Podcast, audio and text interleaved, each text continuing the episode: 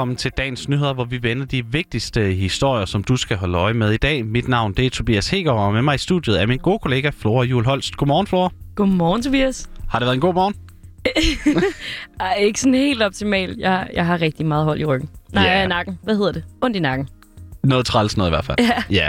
I dag der skal vi også lidt rundt om nogle af de historier, vi har kigget på. Det skal blandt andet til Sverige, hvor vi kigger på den historiske mistillidsafstemning, der kommer i dag.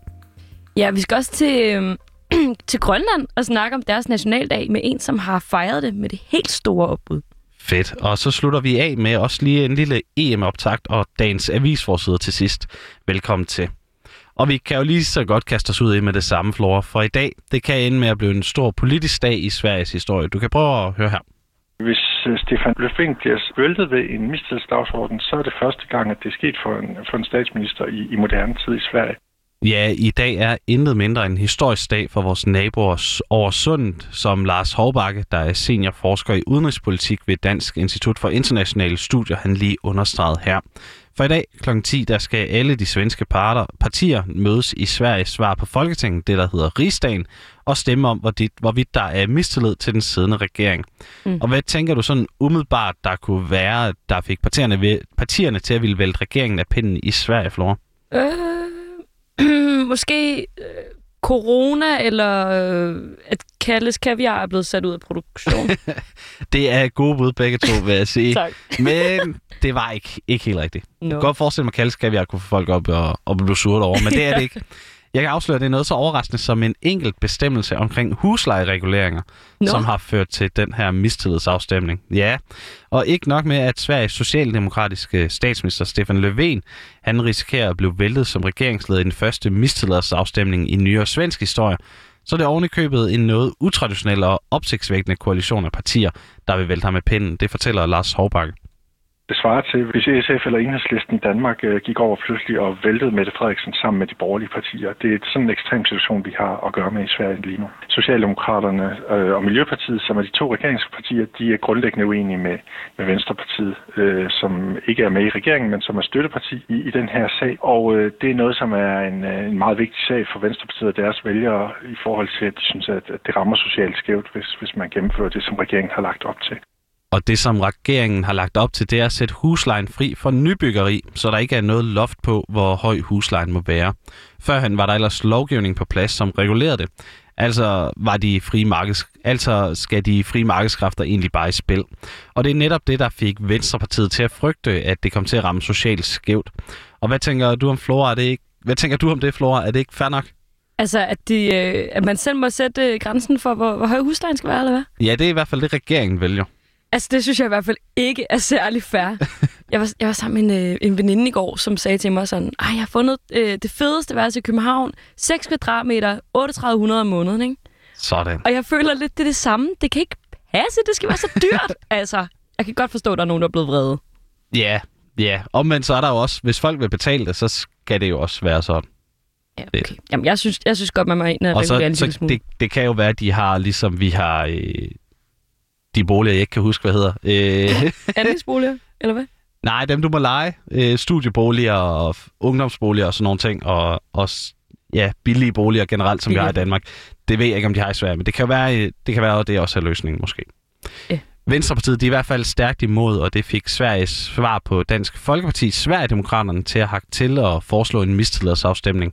Og nu har både Kristdemokraterne, Moderaterne og Venstrepartiet i en spørgetime erklæret, at de vil stemme for at vælte regeringen. Men så er det store spørgsmål jo, hvad der så sker, hvis regeringen bliver tvunget til at gå af. Og det gør Lars Hårback også lidt klogere på. Der er ligesom to muligheder. Enten vil man begynde at, at forsøge at, at danne en ny form for regering og indlede nogle forhandlinger og sonderinger om det. Og der kan man forestille sig alle mulige forskellige konstellationer, hvor man prøver at gå sammen på kryds og tværs igen, øh, men på en ny måde. Og så den anden mulighed er, at der bliver udskrevet et såkaldt ekstra valg. Og det er helt specielt for Sverige. Det har man ikke i andre lande rigtigt i Europa. Øh, de har et system, hvor de skal have valg hvert fjerde år, ligesom vi skal have.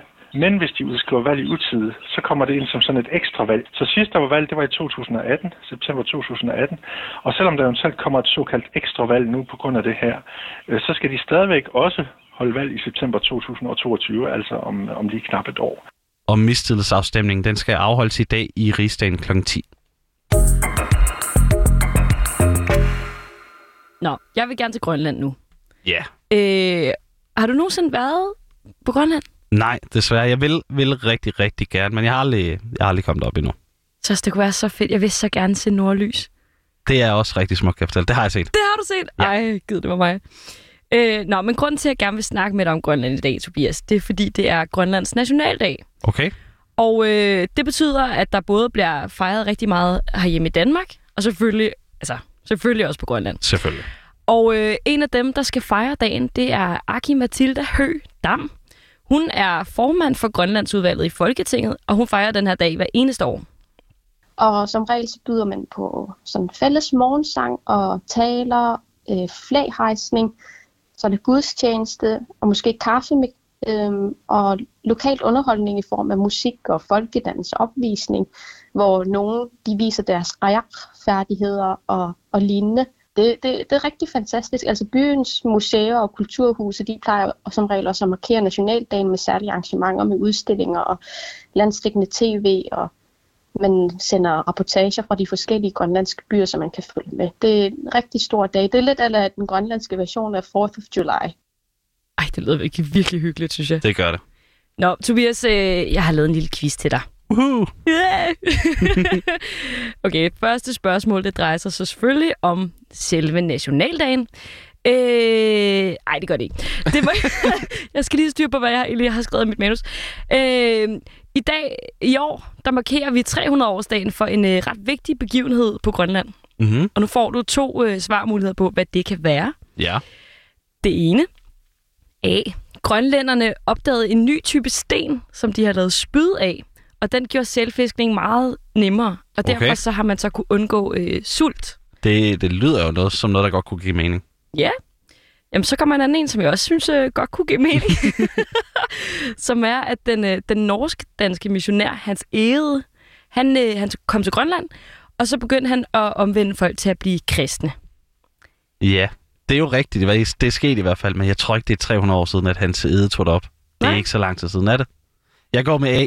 Du går med af. Det er forkert. Nå. Det er, sgu, Sådan. øh, det er hans ede, der kom ind og sagde, øh, nu knæler I, og så siger vi tak og ja til Gud. Ja.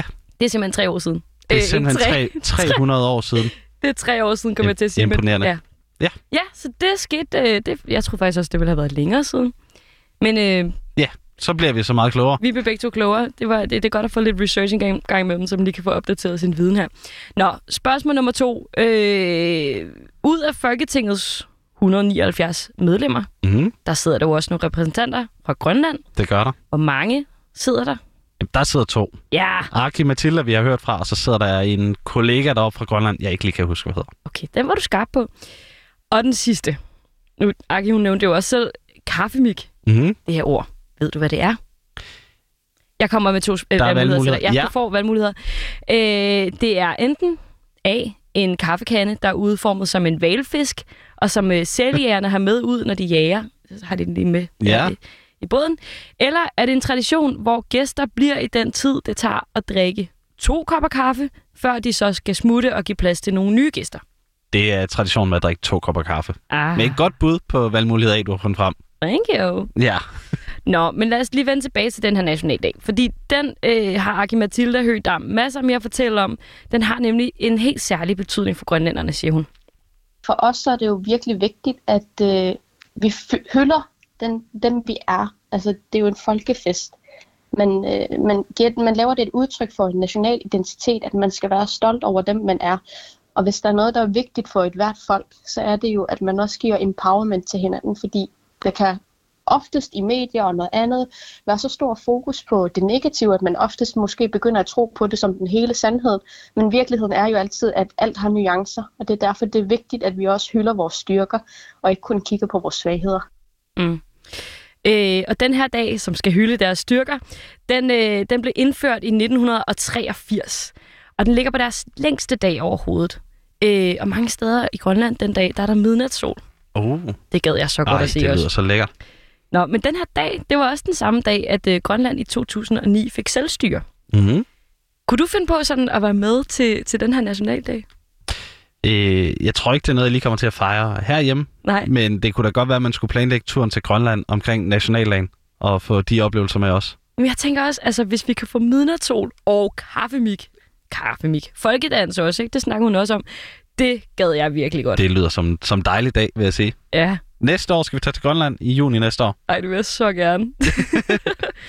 Nå, men øh, Aki Mathilda Høgdam, hun er altså ikke på vognen med os. Hun er i Danmark lige nu.